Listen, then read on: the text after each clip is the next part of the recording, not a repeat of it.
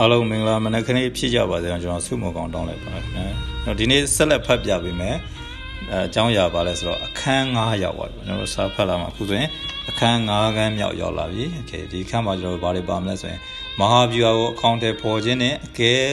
ဖြတ်သုံးသပ်ခြင်းဒါခေါင်းစဉ်ကြီးပေါ့။ဒီခေါင်းစဉ်ကြီးအောင်မှာကျွန်တော်ခေါင်းစဉ်သေးသေးလေးရှိ။နံပါတ်1ကပါဆိုဘဝရည်မှန်းချက်ပန်းတိုင်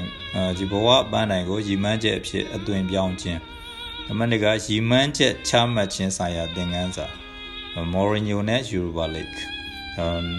နီးပညာနီးပြူအစဉ်စဉ်ချမှတ်အကောင့်ထဲပေါ်ခြင်းနောက်တစ်ခုက viewer ဤဘယ်တောင်မှန်နဲ့ညာတောင်မှန်နောက်တစ်ခုကအပြောင်းလဲကို viewer မြောက်စီမံခန့်ခွဲခြင်းနောက်တစ်ခုကဘဝဤ viewer မြောက်ကိစ္စရဲ့နှစ်ရက် Normandy ကန်အာ Normandy ကန်တက်တိုက်ပွဲဘ ဝဤကိစ္စရများကိုလေးကန့်စိတ်ဖြာ၍စီမံခန့်ခွဲခြင်းနောက်ဆုံးတစ်ခုကမဟာဗျူဟာမြောက်အကဲဖြတ်သုံးသပ်ခြင်းဒီကပထမဆုံးတစ်ခုဖြစ်တဲ့မဟာဗျူဟာကိုအကောင့်ထဲပေါ်ခြင်းမဟာဗျူဟာကိုအကောင့်ထဲပေါ်တဲ့နေရာမှာကျွန်တော်ဒီမှာဇရာကွက်လေးရှိတော့ပေါ်ဆုံးကပါဆိုရီမန်းချက်ချမှတ်ခြင်းတော့ဘဝမှာအရေးကြီးဆုံးကရီမန်းချက်ပန်းနိုင်ရှိဖို့အဲ့ရနေမှာကျွန်တော်အဲ့ရီမန်းချက်ပန်းနိုင်ကိုရောက်ဖို့အတွက်ဘာတွေလုပ်ရမလဲဆိုရင်နောက်တစ်ဆင့်က ရီမန်းချက်နီးဗျူဟာအဆင့်ဆင့်ချမှတ်အကောင့်ထဲပေါ်ခြင်းအဲ့ဒီပန်းနိုင်ကိုရောက်စေမယ်ကျွန်တော်နီးလန်းတွေနီးဗျူဟာတွေရှာဖွေရမယ်အဲ့လိုရှာဖွေတဲ့နိုင်ငံမှာဗျူဟာမြောက်သင်ယူလေ့လာဖို့လိုတယ်ဗျူဟာမြောက်သင်ယူလေ့လာခြင်းပြုလုပ်ဖို့လိုတယ်နော်ကိုယ့်ရဲ့ personal growth plan လို့လည်းခေါ်လို့ရတယ်ကိုဘဝတိုးတက်ရတိုးတက်ကြောင်းနဲ့ဆိုင်တဲ့သင်တန်းတွေတက်မယ်လေ့လာမယ်သင်ယူမယ်နောက်တစ်ခုက view ဟာမြောက်ဆက်ဆံရေးတို့ပန်းနိုင်ရောက်ဖို့အတွက်ကတခြားကိုတယောက်တည်းနဲ့ ရောက်ဖို့မလို့အဲ့တော့ကိုယ်နဲ့ပတ်ဝန်းကျင်ရရှိတဲ့လူတွေသူတို့နဲ့ကျွန်တော်ကောင်းမွန်တဲ့ဆက်ဆံရေးရှိဖို့နောက်တစ်ခုကပြန်လဲသုံးသက်ခြင်းတော့အဲ့ပန်းနိုင်သွားတဲ့ခါမှာကိုရည်မှန်းချက်ပန်းနိုင်သွားတဲ့ခါမှာကိုသွားနေတဲ့နီးလန်းတွေကမှန်ကန်မှုရှိရလားကိုပန်းနိုင်ရောက်ဖို့အတွက်အစဉ်ပြေပါမလားဆိုတော့ကျွန်တော်ပြန်လဲသုံးသက်ဖို့လိုတယ်အဲ့ဒါကကျွန်တော် viewer ကိုအကောင့်ထဲပို့လှုပ်ဆောင်ရမယ်နောက်တစ်ချက်ကနောက်နောက်တစ်ခုကပါဘဝ ပန်းနိုင်ကိုရည်မှန်းချက်အဖြစ်သို့အသွင်ပြောင်းခြင်းအနာဂတ်မြင်ကွင်းတွေကဘဝပန်းနိုင်တွေကိုပို့ပြီးတော့တိကျတဲ့ရည်မှန်းချက်များအဖြစ်သို့ပြောင်းလဲခြင်းအနာဂတ်မှာကိုဖြစ်ချင်တာတွေရှိတယ်အဲဒီရည်မှန်းချက်ပန်းနိုင်တွေကိုကျွန်တော်တို့ဘာလုပ်ရမလဲဆိုတော့ရည်မှန်းချက်အဖြစ်ပြောင်းလဲရရည်မှန်းချက်အဖြစ်သို့တိကျတဲ့ရည်မှန်းချက်အဖြစ်သို့ပြောင်းလဲပေးရဥပမာပေးရရင်ပေါင်း200ကျော်ပြီးတော့မလမပဖြစ်နေလို့ဝိတ်ချခြင်းသူတူအနေနဲ့ ဘာလို့ရမလဲဆိုရင်တွေ့လျက်ကြည့်လက်တဲ့ခန္ဓာကိုယ်ဟာ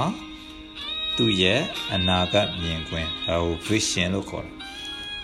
နောက်ပြီးတော့ကျမ်းမာပေါ်ပါပြီးအတ္တပရအကျိုးတွေတည်ဖို့နိုင်ဖို့ဆိုတာကသူ့ရဲ့ရှီမန်းချက် mission ခန္ဓာကိုယ်ဝနေလို့ရှိရင်တို့သွားလာလှုပ်ရှားတာမလွယ်ဘူးအဲ့တော့ကိုယ်အတွက်ရောသူများတွေအတွက်ရောအကျိုးရှိအောင်လုပ်ပေးနိုင်ဖို့ဆိုရင်ခန္ဓာကိုယ်တွေ့လျက်နေဖို့လိုအဲ့ဒါကကျွန်တော်သူ့ရဲ့ mission ပေါ့ နောက်တစ်ခုကတစ်လကို၄ပေါင်ကြောက်ရမယ်ဆိုတာကသူ့ရဲ့ရည်မှန်းချက် objective လို့ခေါ်တစ်လကို၄ပေါင်ချမယ်ကဲအဲ့လိုတွေ့လျရတဲ့ခန္ဓာကိုယ်ဖြစ်ဖို့ဆိုရင်တစ်လကို၄ပေါင်ချမယ်ကဲဒါသူ့ရဲ့ objective အဲ့မှာအစားအစာထိန်းကြီးတဲ့နီးနဲ့အာကစားပေါင်းဆက်မယ်ဆိုတာကသူ့ရဲ့ view ဟာဖြစ်တယ်နော်အစားအစာကိုထိန်းချုပ်ပြီးစားမယ်ပြီးရင်အာကစားနေ့စဉ်လုပ်မယ်စားတယ်အဲ့ဒါတွေကသူ့ရဲ့သူလုံးမဲ့ view ဟာဒီနေရာမှာအဓိကပြလို့ရင်က ပေါင်160ရှော့ချရေးဆိုတဲ့ရီမန်းချက်ပန်းနိုင်ကိုတလ၄ပေါင်စီရှော့ချရေးဆိုတဲ့ရီမန်းချက်အဖြစ်သို့ပြောင်းလဲခြင်းပဲဖြစ်ပါတယ်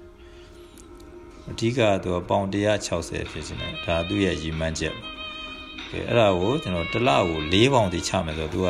ရီမန်းချက်တိကျတဲ့ရီမန်းချက်ဖြစ်သို့ပြောင်းလဲလိုက်တာအဲ့တော့မျော်မှန်းချက်ကပေါင်160ရှိရမယ်ရီမန်းချက်ကတလကို၄ပေါင်ချမယ် ဒါသူဒါတော့ကျွန်တော်အပေါင်းဝိတ်လျှော့တာနဲ့ပတ်သက်တာကျွန်တော်စီးပွားရေးတခြားစီးပွားရေးတွေလည်းအဲ့လိုပေါ့ကိုကတစ်လောက်သိန်း5အဲသိန်း10သိန်းလောက်လိုချင်တယ်ပဲထားပါတော့10သိန်းလောက်လိုချင်တယ်ကိုပါလို့လို့အဲ့ဒါကကျွန်တော်ယူမှန်းချက်အဲဆိုရင်အဲ့ဒါကြောဖို့အတွက်ကျွန်တော်ဘာလုပ်မလဲ mission တွေ vision တွေလိုတယ် objective လိုတယ် okay နှစ်တလားကိုကျွန်တော်10သိန်းလောက်လိုရင်ပထမဆုံးနဲ့ကိုလာတာဘယ်လောက်ရှိလဲ9သိန်းကျတယ်ဆိုရင်တလားကိုနောက်ထပ်2သိန်းလောက်ထပ်တိုးချင်တယ် တသိန်းထပ်လို့မှဆို6သိန်းဖြစ်မယ်2သိန်းထပ်လို့မှဆို9သိန်းဖတ်ပြီးတစင်ချင်းတိုးပြီးသတ်မှတ်သွားပန်းနိုင်ကိုနေပယ်လိုက်ရည်မှန်းချက်များအဖြစ်သို့ခွဲခြားစိတ်ဖြာသတ်မှတ်ခြင်းစင်တကောင်လုံးကိုကုံအောင်ဘယ်လိုစားမလဲဆိုတဲ့ညံဆန်းမေးလာခဲ့ရင်ပိုင်းခြားစိတ်ပြာစိတ်ပြာတုံးထစ်ပြီးတော့မှတကိုက်စီစားရမယ်လို့ဖြေရမှာဘဝမှာလည်းကြီးမားတဲ့ပန်းတိုင် ကိုကိုချမှတ်အာရီမှန်းချက်တွေဖြစ်ခွဲခြားစိတ်မှန်စိတ်ဖြာရပါလိမ့်မယ်ဥပမာဖြင့်10တန်းအမှတ်450ရရှိဖို့ပန်းတိုင်သတ်မှတ်ထားတဲ့ចောင်းသားတယောက်ဟာဘာသာရပ်တစ်ခုချင်းလိုက်ပြည့်မီတဲ့အမှတ်ရီမှန်းချက်တွေသတ်မှတ်ရမှာပဲဖြစ်တယ်ပန်းတိုင်ကိုရီမှန်းချက်အစင်းစင်စီရီကရုပ်မှတ်တန်ကြောင်ရေးဆွဲခြင်းဒီနေ့ခွဲစိတ်ဆရာဝန်ကြီးဖြစ်ရမယ်လို့ ဘဝကြီးမှချက်တတ်မှတ်ထားတဲ့ကိုရန်ကျောင်းသားလေးတွေကသူရဲ့ road map လမ်းကြောင်းကိုခုလိုပဲရေးဆွဲရမှာဖြစ်ပြီ2020တက္ကသိုလ်ဝန်ထမ်းကိုအာထူးချွန်စွာအောင်မြင်ရအမှတ်ပြည့်ပြီးတော့ထူးချွန်စွာအောင်မြင်ရ2026စေးတက္ကသိုလ်နောက်ဆုံးနှစ်စာမေးပွဲကို ခွဲစိတ်ဥဒဘာသာရဂုံတူးဖြင့်အောင်မြင်ရ2032ဤတွင်ခွဲစိတ်ကုဘွဲလွန်ရရှိရ2035 ဤပခွဲစိတ်ကုစာမှုဘွဲအောင်မြင်ဒီကိုရန်ကျောင်းသားလေးဟာကိုပိုင်အသေးစားစီးပွားရေးလုပ်ငန်းရှင်ဖြစ်ဖို့ပန်းနိုင်ချမှတ်မယ်ဆိုရင်လည်းအခုလိုပဲရုံးမှလမ်းကြောင်းရေးဆွဲရမှာပဲဖြစ်ပါကိုသွားမဲ့လမ်းကြောင်းကနှစ်ပိုင်းချလိုက်ဘယ်နှစ်မှာပါဖြစ်အောင်ဘယ်နှစ်မှာပါဖြစ်အောင်ဒီနှစ်ပိုင်းချလိုက်ကျွန်တော်တို့ ਨੇ ရုံးမှတ်လေးရေးဆွဲထားလို့နောက်တစ်ခုကရီမန်းချက် objective ချမှတ်ခြင်းဆိုင်ရာသင်ခန်းစာ Mourinho နဲ့ Europa League Mourinho ဆိုရင်လူတော်တော်များများဘောလုံးဝါသနာရှင်တွေတော်တော်များများသိကြပြီးရင် Man U ဆိုရင်လည်းဘောလုံးဝါသနာရှင်တွေအများစုသိကြ Man U တင်းကြီးဟာ2019ခုနှစ် Europa League ဆုဖလားကြီးကိုစုခူးခဲ့တော့ကအပျော်ဆုံးလူကတော့အသင်းရဲ့ view ဟာမူ Mourinho ပဲဖြစ်ပါတယ်။ Mourinho ဟာကမ္ဘာပေါ်မှာတန်ဖိုးအကြီးဆုံးပြိတ္တအားအပေးဆုံးဖြစ်ပေမဲ့လို့အင်အားအတောင်စင်းဆုံးအသင်းမဟုတ်ဘူးဆိုတာကိုတော့မောရင်ညိုအသိဆုံးပါပဲ ဒါပေမဲ့ဒီနှစ်ရာသီမှာပဲအာကစားသမားတွေအင်အားထပ်ဖြစ်ပြီးတော့ဥရောပရဲ့အမြင့်ဆုံးချန်ပီယံလိဘောလူပွဲအထိတက်ရောက်နိုင်ဖို့ဂျီမန်းနိုင်ချမှတ်ခဲ့တယ်ပရီးမီးယားလိပြိုင်ပွဲတွေစတင်ချိန်တုန်းကမော်ရီညိုဟာမန်ယူအသင်းကိုထိပ်သီး၄သင်းထဲမှာဝင်ဖို့ရည်မှန်းချက် objective ချမှတ်ခဲ့တယ်ပရီးမီးယားလိထိပ်သီး၄သင်းစေယုံဝင်မှာချန်ပီယံလိကိုတက်လန်းဝင်ရတာပဲဖြစ်တယ်မြန်မာကျွန်တော်တို့ဂျားဖက်ပြောရမယ်ဆိုရင်ပရီးမီးယားလိမှာအသင်းပေါင်း20ရှိတယ် အသင်းပေါင်း20ရှင်ပြန်ရမှာတို့အိကွင်းအဝေးကွင်းဆိုပြီးတော့သွားပြန်တသင်းကိုကျွန်တော်38ပွဲအထိပြန်ရတသင်းဆိုရင်38ပွဲအထိအဲ့မှာအမှတ်အများဆုံးအသင်းကချန်ပီယံဆုရတာတနှစ်လုံးပတ်လုံးပြန်ရပြီးရင်အဲ့ထဲမှာထိပ်သီး၄သင်းဝင်တဲ့အသင်းတွေကဥရောပအမြင့်ဆုံးပြိုင်ပွဲဖြစ်တဲ့ဥရောပချန်ပီယံလိကိုနော်ချန်ပီယံအာ UEFA လို့ခေါ်တော့ချန်ပီယံလိကိုဝင်ရောက်ရှင်ပြိုင်ခွင့်ရတယ်။ ဒါပေမဲ့ပရီးမီးယားလိပွဲစဉ်တွေမှာထင်သလိုဖြစ်မလာတဲ့အခါမှာမော်ရီညိုဟာသူ့ရဲ့ချန်ပီယံလိပိုလူပွဲတက်ရေးဆိုတဲ့ပန်းတိုင်ဂိုးကိုမပြောင်းလဲခဲ့ပေမဲ့သူ့ရဲ့ရည်မှန်းချက် objective ကိုစွန့်စားပြီးတော့ပြောင်းလဲလိုက်ပါတယ်။မန်ယူပရီးမီးယားလိထိပ်သီး၄သင်းဝင်ဖို့ရည်မှန်းထားရာကနေ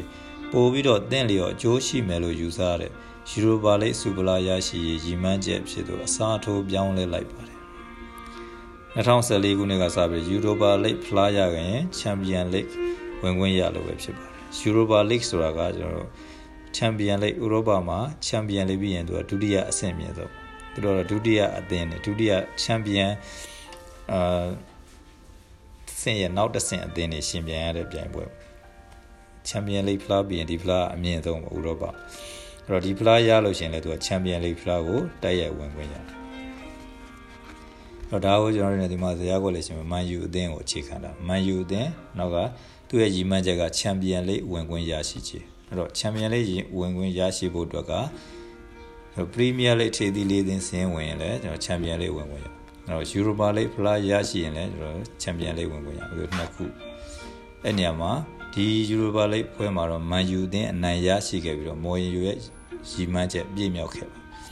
ထိပ်သီးလေးသင်းမဝင်တော့ဘူးလို့သိသွားတယ်မော်ရင်ယူကဘာလို့လဲဆိုတော့ချန်ယူရိုပါလိတ်ဖလားရရှိရေးကိုပဲဥတီပြီးတော့ရှင်ပြန်ခဲ့ဒါကြောင့်မန်ယူသင်းဟာယူရိုပါလိတ်ဖလားရရှိပြီးတော့ချန်ပီယံလိတ်ကိုဝင်ဝင်ရရှိတော့ပရီးမီးယားလိတ်ဖလားပရီးမီးယားလိတ်မှာလေးသင်းမဝင်တော့ဘူးဆိုတာသိလိုက်တာနဲ့သူကလမ်းကြောင်းပြောင်းလိုက်တာ objective ပြောင်းပြီးတော့သူရဲ့ပန်းနိုင်ကချန်ပီယံလိဝင်ဝင်ရရှိအဲ့တော့ချန်ပီယံလိဝင်ဝင်ရရှိဆိုတော့ပန်းနိုင်ကိုမပြောင်းလဲပဲနဲ့ objective ပြောင်းပြီးတော့ချန်ပီယံလိဝင်ဝင်ရရှိအောင်စွမ်းဆောင်ခဲ့တာမောရင်ညိုပေးတော့သင်္ကန်းစာသင်္ကန်းစာတက်အခြေအနေပြောင်းလဲလာရင်မိမိရဲ့ပန်းနိုင်ကိုမပြောင်းလဲပဲတော့မပြောင်းလဲပဲပန်းနိုင်သွားရလမ်းကြောင်းတစ်လျှောက်မှာရှိတဲ့ရီမန်းချက် object တွေကိုပြောင်းလဲဖို့လိုအပ်တယ်အခြေအနေတစ်ခုကပြောင်းလာပြီကိုသွားတဲ့လမ်းကြောင်းမှာဒီလမ်းကြောင်းနဲ့ချန်ပီယံဒီလမ်းကြောင်းတန်ကိုဖြစ်ချင်တာမဖြစ်ဘူးဆိုတခြားနီးလမ်းပြောင်းပြီးတော့ကိုဖြစ်ချင်တာသွားအောင် ဒါကိုကျွန်တော်ဘာလို့ခေါ်လဲ success formula လို့လည်းသုံးလို့ရတယ်ဟိုဂျီမန်းချက်ပန်းနိုင်ကပြောင်းလဲလို့မလို့ဘူးပြီးရင်အဲ့သွားရလမ်းကြောင်းမှာရှိတဲ့လမ်းကြောင်းတွေတော့ပြောင်းလဲပြီးရဒီလိုပြောင်းလဲရမှာလဲပို့ပြီးတော့ကောင်းမွန်တဲ့ရီမန်းချက်ကိုချမှတ်ကသားရွှေအိုထန်းကိန်းဖြစ်အောင်စွမ်းဆောင်ရမှာဖြစ်မော်ရင်ညိုပရီးမီးယားလိဂ်မှာမဟန်တဲ့အခါယူရိုယူရိုပါလိဂ်မှာအနိုင်ယူရမယ်ဆိုတဲ့ရီမန်းချက်အဖြစ်ပြောင်းလဲလိုက် ဒီအတွက်မူလချန်ပီယံလိဂ်ပန်းနိုင်မပြတ်တဲ့အပြင်အပိုစုဖလားတစ်ခုထပ်ရကအသင်းသားတွေရဲ့ယုံကြည်မှုကိုလည်းပို့ပြီးတော့မြင့်တက်စေခဲ့တယ်သင်္ကန်းစာနဲ့ရီမန်းချက်ပန်းနိုင်ချမှတ်ရမှာဖြစ်နိုင်ခြေအဆင့်အဆင့်ကိုတွက်ချက်သုံးသပ်ပြီးမှစွန်သားချမှတ်ဖို့လိုအပ်တယ်။ရီမန်းချက်ပန်းနိုင်ချတဲ့အခါမှာဖြစ်နိုင်ခြေတဲ့ရှိတဲ့အားတွေသုံးသပ်ပြီးမှချမှတ်ဖို့လိုအပ်တယ်။မော်ရင်ဝချန်ပီယံလိ ပန်းနိုင်ကိုပရီးမီးယားလိလမ်းကြောင်းနဲ့တွားရမလားယူရိုပါလိလမ်းကြောင်းနဲ့တွားရမလားဆိုဆုံးဖြတ်ခဲ့တော့ဖြစ်နိုင်ခြေပွဲစဉ်အလုံးရဲ့အနိုင်အရှုံးကိုခံမှန်းတွက်ချက်ပြီးမှစွန်စားဆုံးဖြတ်ခဲ့ရတာဖြစ်ပါတယ်။ယူရိုပါလိဖလားသာမရခဲ့ဘူးဆိုရင် အရာအလုံးဆုံးရှုံးသွားနိုင်ပါတယ်။ဒါကြောင့်သူ့အသင်းသားရဲ့သူ့အသင်းသားတွေရဲ့အင်အားတွေကိုယူရိုပါလိအတွက်ပုံအောပြီးပရီးမီးယားလိမှာအဆင့်6နဲ့ပဲထိန်းထားခဲ့တာဖြစ်ပါတယ်။သင်္ကန်းစာ3 ဂျီမန်းချက် object တွေကိုတစ်ခုနဲ့တစ်ခုချိတ်ဆက်ပြီးတော့ view ဟာလမ်းပြမြေပုံ strategy map ရေးဆွဲရပါတယ်။ Mourinho ကအာဒရူဘာလိဖလားရရှိရဆိုတဲ့ရီမန်းချက်နဲ့အားကစားသမားအင်အားပုံမူတောင်းတင်းရေးဆိုတဲ့ရီမန်းချက်နှစ်ခုကိုချိတ်ဆက်ထားခဲ့ပါချန်ပီယံလိဝင်ခွင့်တည်ကြသွားပြီဖြစ်တဲ့မန်ယူသင်းဟာအာလက်ရှိအမာခံကစားသမားတွေကိုထိန်းထားနိုင်ရင်တော့မကပဲတော့ အပြောင်းအရွှေ့အရာစီမှာထပ်မံခေါ်ယူလိုတဲ့ကစားသမားတွေကိုပုံမူဆွဲဆောင်နိုင်ခဲ့ပါတယ်ကစားသမားတွေကငွေကြေးတာမကစူဖလာရရှိဖို့လားလာကောင်းတဲ့အသင်းတွေကိုပို့ပြီးတော့မမောကြလို့ပဲဖြစ်ပါတယ်ကျွန်တော်ဘောလုံးသမားတွေဆိုရင်များသောအားဖြင့်စုဖလားရရှိနိုင်တဲ့အသင်းကိုပို့ရွေးကြတယ်။ပြီးရင်အာလာစာပို့ကောင်းတဲ့အသင်းကိုလည်းသူတို့ကပို့ပြီးတော့ရွေးကြတယ်။သင်ခန်းစာလေး ရီမန်းချက် object တွေချမှတ်ပြီးဆိုရင်ဘလို့အကြောင်းပြချက်နဲ့မှအပြတ်မခံပါနဲ့။ကိုယ်ရီမန်းချက် object တွေချမှတ်ပြီးသွားပြီဆိုရင်အဲ့ object တွေရီမန်းချက်တွေကိုကျွန်တော်ဘလို့ပဲဖြစ်ဖြစ်ရအောင်လုပ်ဖို့လို။ယူရိုပါလိဗိုလ်လူဘက်ကံဖို့ရက်ပိုင်းအလိုမှာပဲမန်ချက်စတာမြို့မှာကျင်းပတဲ့ဂီတဖျော်ဖြေပွဲကြီးမှာအကြမ်းဖက်ဘုံခွဲမှုဖြစ်ပြီးတော့လူ20ဦးတေဆုံးခဲ့ရပါမန်ယူသင်းသားတွေကမန်ယူတို့မျိုးလုံး စိတ်တော့ကရောက်နေစေကအခြားကာလမှာပဲယူရိုပါလိဖလားကိုအားတင်းပြီးအနိုင်ယူခဲ့ကြတာဖြစ်ပါတယ်ဘောမှာအောင်မြင်လို့သူတိုင်းဟာမိမိရဲ့စီးပွားရေးလူမှုရေးကျန်းမာရေးပညာရေးစတဲ့ကဏ္ဍတိုင်းမှာရည်မှန်းချက်ဆင့်ဆင့်ချမှတ်ပြီးတော့ပန်းနိုင်ကိုချီတဲရမှာဖြစ်ပါတယ်။ကိုကစီးပွားရေးမှာအောင်မြင်ခြင်းနဲ့ဆိုရင်စီးပွားရေးနဲ့ဆိုင်တဲ့အားမဖြစ်မနေလုပ်ဖို့လူမှုရေးကျန်းမာရေးစတာတွေလည်းကျွန်တော်ဒီဒီလိုတော့အဆင့်အဆင့်ချက် ရည်မှန်းချက်တွေချမှတ်ပြီးတော့လှုပ်ဆောင်ဖို့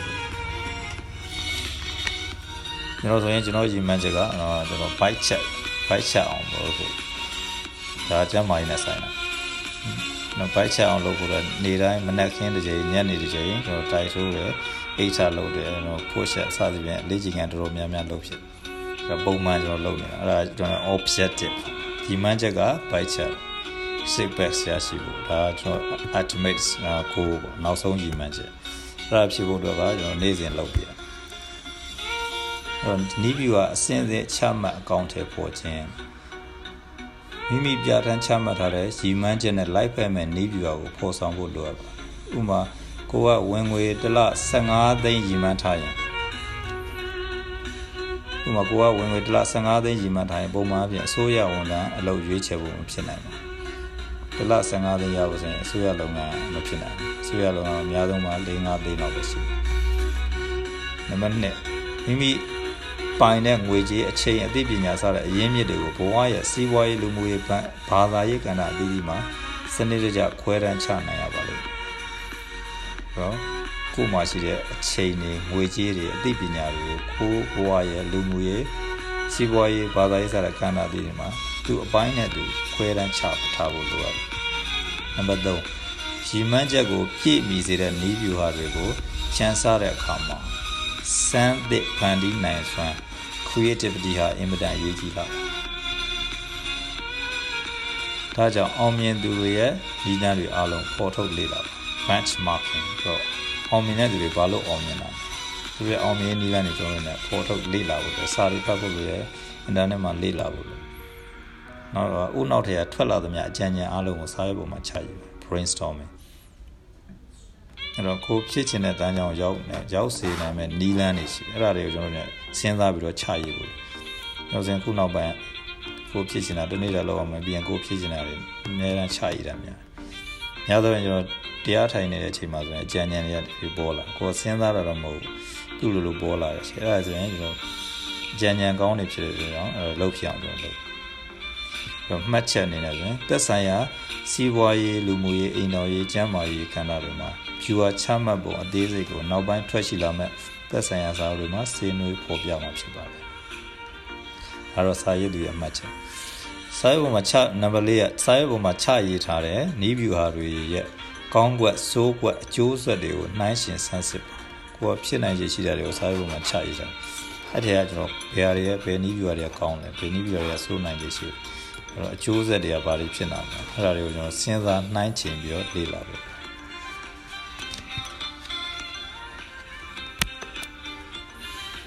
တော့တော့မှကျွန်တော်တက်ရောက်မှုရဲ့နီးဗျူဟာရှိတက်ရောက်မှုဆိုတာဘာလဲရှိရင်ဘာသာရေးကျင့်ဝတ်တရားနောက်ကစီးပွားရေးလူမှုရေးပညာရေးမိသားစုရေးနီးဗျူဟာဆိုရင်1 2 3ရှိတယ်တော့ကိုချင်းတရားကောင်းလို့နီးဗျူဟာ1ကိုသုံးမလား2ကိုသုံးမလား4ကိုသုံး သုံးကိုသုံးမလားစသဖြင့်တက်ရောက်မှုရှိမရှိနီးဗျူဟာတစ်ခုနဲ့တစ်ခုတစ်ခုကိုလုပ်ဖို့အတွက်တခြားတစ်ခုတွေရောတက်ရောက်မှုရှိလားမရှိလားကျွန်တော်တို့လည်းစဉ်းစားဆုံးဖြတ်ပေးဖို့တခုနီးပြတခုကတက်ရောက်မှုမရှိဘူးဒါမှမဟုတ်ကောင်းကျိုးတက်ရောက်မှုဖြစ်လားဆိုးကျိုးတက်ရောက်မှုရှိလားအဲ့ဒါတွေကျွန်တော်စဉ်းစားနိုင်ချင်ဖို့လို့တက်ရောက်မှုတော့ရှိတယ်ဒါပေမဲ့ကောင်းတဲ့ဘက်မဟုတ်ဆိုးတဲ့ဘက်ဆိုရင်လည်းကျွန်တော်အဲ့နီးပြကအလုံးမဖြစ်ဘူးအဲ့တော့ ကိုကျင့်တရားပိုင်းမှာတက်ရောက်မှုရှိဒါမှတက်ရောက်မှုမရှိဘူးစီးပွားရေးအတွက်ကောင်းကျိုးရှိပေမဲ့လူမှုရေးပညာရေးနဲ့ဘာသာရေးတွေအတွက်ဆိုးကျိုးဖြစ်စေတာတဲ့တွေ့ရတခါလေးအောင်ကျွန်တော်နီးပြတွေကတက်ရောက်မှုလည်းမရှိဘူး။ခေစီးပွားရေးအတွက်ကောင်းကျိုးရှိပြီမှာတခြားအရေးတွေမှာကန္တာတွေမှာစိုးကျိုးဖြစ်စေမယ်ဆိုရင်လည်းကျွန်တော်အဲ့ဒီလမသိတော့အဲ့တော့တော့တင့်လျော်ဆုံးနီးပြာကိုရွေးချယ်ဆုံးဖြတ်မယ်ဆိုရင်နံပါတ်1 ပြည်တွင်းမှာပဲအလုတ်လုပ်မလားပြည်ပမှာပဲအလုတ်လုပ်ထွက်အဲလုတ်ရှာထွက်ရမလားစတဲ့စီးပွားရေးကိစ္စတွေဘယ်တက်ကလေးကိုရွေးချယ်ရမလဲဆိုတော့ပညာရေးရာကိစ္စတွေအစရှိတယ်များဘဝရဲ့လူမှုရေးကျန်းမာရေးအိမ်တောင်ရေးဆိုင်ရာရွေးချယ်ဆုံးဖြတ်မှုတွေကိုအထက်ကပြဆိုထားတဲ့ခေါင်းကျိုးစိုးကျိုးတက်ရောက်မှုတွေ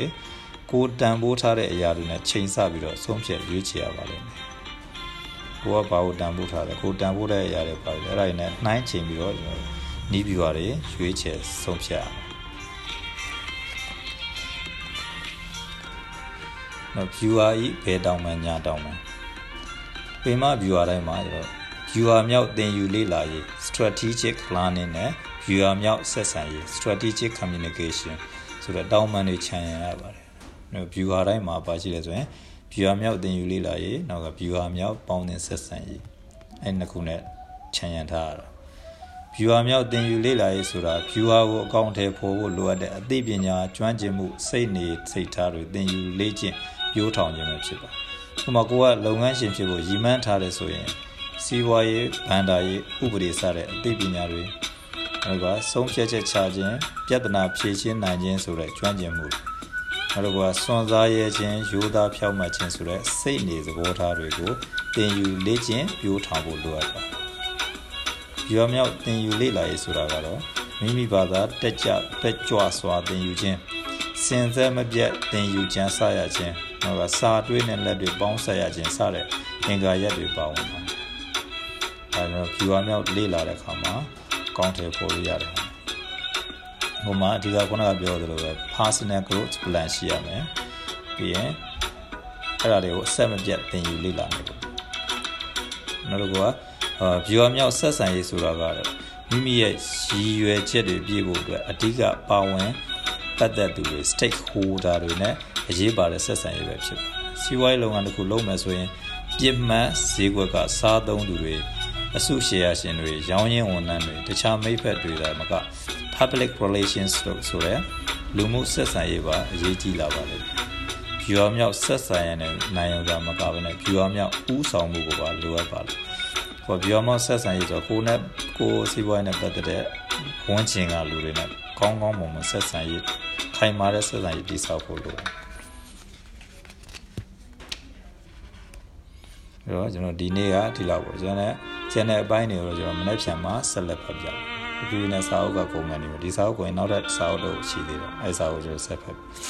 အဲ့တော့အာဒီနေ့ကတော့ဒီလောက်ပါအားလုံးကျမ်းမှာချမ်းသာစွာနဲ့တက်တော့တက်တာနေနိုင်ကြပါလို့ဆုတောင်းရင်းနဲ့ okay see you tomorrow okay bye for now